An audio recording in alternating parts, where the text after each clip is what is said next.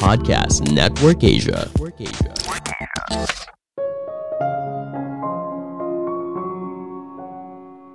Otak kita tidak merekam semua kejadian seperti video recorder, tapi otak kita merekonstruksi ulang kejadian yang terjadi dalam hidup. Halo semuanya, nama saya Michael. Selamat datang di podcast saya, Sikutu Buku. Kali ini saya akan bahas buku The Invisible Gorilla karya Christopher Cabris dan Daniel Simmons. Sebelum kita mulai, buat kalian yang mau support podcast ini agar terus berkarya, caranya gampang banget. Kalian cukup klik follow Dukungan kalian membantu banget supaya kita bisa rutin posting dan bersama-sama belajar di podcast ini. Buku ini membahas kalau intuisi ternyata bisa membohongi kita. Mungkin kamu selama ini sangat yakin terhadap memori atau kemampuan diri. Kamu menganggap kalau dirimu bisa menceritakan ulang sebuah kejadian dengan sangat detail. Tapi apakah kejadian yang kamu ceritakan itu benar? Kemungkinan besar cerita tersebut sudah jauh berbeda dari yang pertama kali kamu ceritakan otak kita tidak bekerja seperti video recorder yang merekam semua hal yang terjadi di sekeliling kita. Namun, otak kita hanya memilih hal penting yang diperhatikan dan tidak memperdulikan hal lain. Saya merangkumnya menjadi tiga hal penting dari buku ini. Pertama, gorila yang tidak terlihat. Jika kamu melihat adanya pertengkaran di jalan, tentunya kamu langsung sadar kan? Namun ketika otak kita sedang fokus pada satu hal, kita mungkin saja tidak menyadari kalau ada hal yang aneh. Nggak percaya? Ada eksperimen yang menarik. Penulis menciptakan sebuah eksperimen bernama gorila yang tidak terlihat. Jadi para responden diminta menonton sebuah video yang berisi sekelompok orang yang sedang main basket. Tugas para responden adalah menghitung berapa kali bolanya dioper dalam video tersebut. Namun di tengah video ada hal aneh terjadi. Seorang pria dalam kostum gorila masuk ke lapangan, berdiri di tengah, diam di sana selama 9 detik sambil memukul dadanya. Tentunya para responden menyadari hal aneh ini kan? Hasilnya ternyata tidak. Hampir 50% dari para responden tidak menyadari adanya gorila karena mereka terlalu fokus menghitung berapa kali bolanya dioper. Mungkin kamu merasa aneh, kok bisa para responden tidak menyadari adanya gorila? Di dunia nyata, hal ini sering kali terjadi sebagai gambaran, lebih dari 50% kasus kecelakaan motor di Amerika Serikat terjadi karena tabrakan dengan mobil, dan 65% kecelakaan ini terjadi karena sebuah mobil belok kiri dan pengemudi tidak melihat ada motor di sebelahnya. Hal ini disebabkan pengemudi sedang fokus melihat apakah ada mobil lainnya atau tidak. Pada dasarnya, mayoritas orang tidak terlalu memperhatikan apa pun yang terjadi di sekitarnya. Ketika kita mulai lebih perhatian dan mengharapkan sesuatu yang tidak terduga, maka di situlah kita baru bisa memperhatikan hal yang penting. Inilah trik yang dilakukan pesulap saat tampil di atas panggung. Pesulap itu bisa mengarahkan penonton ke mana bola itu akan hilang. Lalu ketika perhatian penonton sedang berada di sana, pesulap itu lalu menggunakan teknik yang lain ke arah yang berbeda.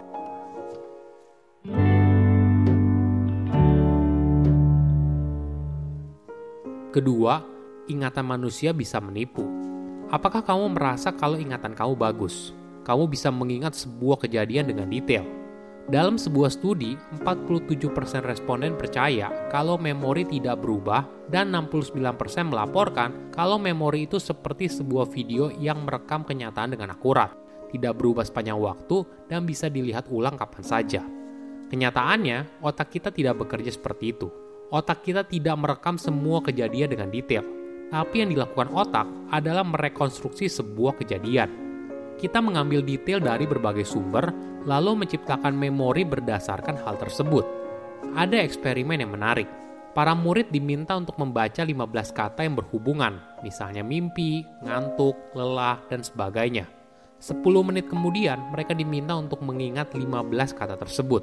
Menariknya, banyak responden menuliskan kata tidur pada daftar tersebut Padahal kata itu tidak pernah ada. Kenapa hal ini terjadi? Ternyata karena semua kata yang diberikan di awal berhubungan dengan kata tidur.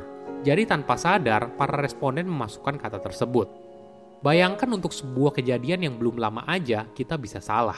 Bagaimana bila sebuah kejadian yang sudah lama? Penulis memberikan contoh pidato calon Presiden Amerika Serikat Hillary Clinton pada saat pemilihan umum tahun 2008. Hillary menceritakan kisah dirinya ketika berkunjung ke Tuzla, Bosnia pada tahun 1996. Dia mengingat kalau saat itu dirinya mendarat di tengah hujanan tembakan sniper dan berlari dengan kepala mengarah ke bawah untuk berlindung. Namun wartawan dari The Washington Post menemukan foto yang sama sekali berbeda. Di foto itu, Hillary sedang mencium seorang anak Bosnia yang baru saja membacakan puisi di sebuah upacara penyambutan yang tenang. Kisah Hillary dengan sniper membuat dirinya dicemooh banyak orang, bahkan dirinya dianggap pembohong atau sedang berfantasi. Mungkin hanya Hillary sendiri yang tahu apakah dia berbohong secara sadar atau memang ingatannya yang terdistorsi. Seperti yang tadi dijelaskan, memori siapa pun kemungkinan besar akan berbeda dari kenyataan. Apalagi ini sebuah kejadian yang sudah cukup lama, yaitu 12 tahun yang lalu. Bagi otak manusia, perhatian itu seperti zero sum game. Artinya, jika kita memperhatikan satu hal, sebuah objek atau sebuah kejadian, kemungkinan besar kita tidak akan memperhatikan hal lain. Kemampuan kita untuk fokus sangat penting dalam hidup. Tanpa hal tersebut, maka kita akan kesulitan dalam memahami dunia. Sederhananya begini, kamu datang ke sebuah tempat yang ramai, tidak ada satupun yang kamu kenal, kecuali satu orang wajah yang familiar, yaitu sahabat kamu. Fakta kalau kamu bisa menemukan teman kamu adalah karena keahlian kamu untuk fokus. Ini yang perlu kita pahami. Kalau panca indera kita tidak merekam semua hal di dunia seperti recorder mata kita hanya bisa menangkap informasi yang terbatas, begitu juga ketika informasi tersebut dikirim dari mata ke otak.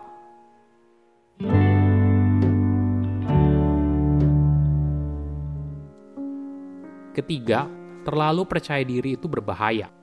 Ada fakta yang menarik. Kita sering kali menganggap kalau diri kita lebih baik daripada rata-rata orang di dunia dalam sebuah survei nasional, 69% orang Amerika percaya kalau mereka lebih cerdas daripada rata-rata orang Amerika pada umumnya. Tentu saja ini cukup aneh. Apabila kamu lebih cerdas daripada rata-rata, harusnya secara presentase di bawah 50% dong. Bukan hanya kepercayaan diri berlebih bisa mengacaukan realita, tapi kita sering kali juga salah menilai seseorang hanya karena orang tersebut terlihat percaya diri. Ada sebuah kisah dari Jennifer Thompson, pada tahun 1984, orang asing masuk ke dalam apartemen Jennifer dan memperkosanya secara brutal dengan sebuah pisau ditempelkan di lehernya. Ketika diperkosa, Jennifer berusaha mengingat setiap detail dari pemerkosanya, mulai dari wajah, fisik, dan bersumpah apabila dia berhasil selamat, maka Jennifer akan memenjarakan pria tersebut.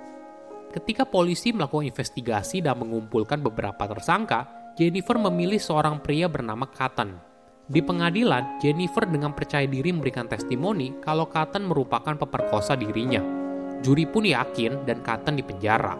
Sepuluh tahun kemudian, bukti tes DNA menunjukkan kalau Cotton bukanlah pemerkosa Jennifer, melainkan orang lain.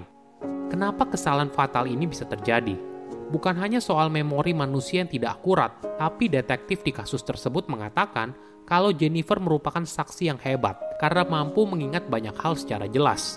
Ditambah lagi, keyakinan Jennifer saat di ruang sidang membuat para juri dengan mudah yakin apa yang dikatakan. Pada dasarnya, kita akan lebih mudah percaya dengan orang yang terlihat percaya diri, terlepas dari apa yang dikatakan benar atau salah. Oke, apa kesimpulannya? Pertama, otak kita bukan video recorder. Kita memilih apa yang kita perhatikan. Jika kita sudah memperhatikan sesuatu, maka kita cenderung akan mengabaikan hal lain. Inilah yang membuat kita mungkin tidak sadar saat nonton film ketika seorang aktor mengambil kue coklat, padahal di adegan sebelumnya dia sedang makan pastel. Otak kita tidak bekerja untuk merekam semua kejadian, tapi berusaha mengkonstruksi sebuah kejadian berdasarkan informasi yang kita dapatkan. Kadang, otak kita berusaha menambahkan beberapa detail yang lain untuk membuat cerita tersebut menjadi lebih masuk akal. Ketiga, terlalu percaya diri dapat berbahaya mayoritas orang menganggap diri mereka lebih baik daripada rata-rata orang di dunia. Namun kepercayaan diri ini bisa mengacaukan realita. Kita bisa saja percaya kalau apa yang kita katakan itu benar dan orang lain juga mempercayainya. Pada dasarnya, kita akan lebih mudah percaya dengan orang yang terlihat percaya diri, terlepas dari apa yang dikatakan benar atau salah. Saya undur diri, jangan lupa follow podcast Sikutu Buku. Bye-bye. Halo, gimana episode barusan? Semoga suka ya. Abis ini mau nggak dengerin cerita seru dari Dewa Dewi Yunani? Nah, pas nih, buat kalian para pecinta mitologi Yunani, langsung aja mampir ke podcast Mitologi Santuy. Di sini kamu bisa dengerin cerita-cerita dari mitologi Yunani yang seru, tapi dibawakan secara santai. Jadi gak bakalan bosen. Ditunggu ya di podcast Mitologi Santuy. Pandangan dan opini yang disampaikan oleh kreator podcast, host, dan tamu tidak mencerminkan kebijakan resmi dan bagian dari podcast Network Asia. Setiap konten yang disampaikan mereka di dalam podcast adalah opini mereka sendiri dan tidak bermaksud untuk merugikan agama, grup etnik, perkumpulan, organisasi, perusahaan, perorangan, atau siapa pun dan apa pun.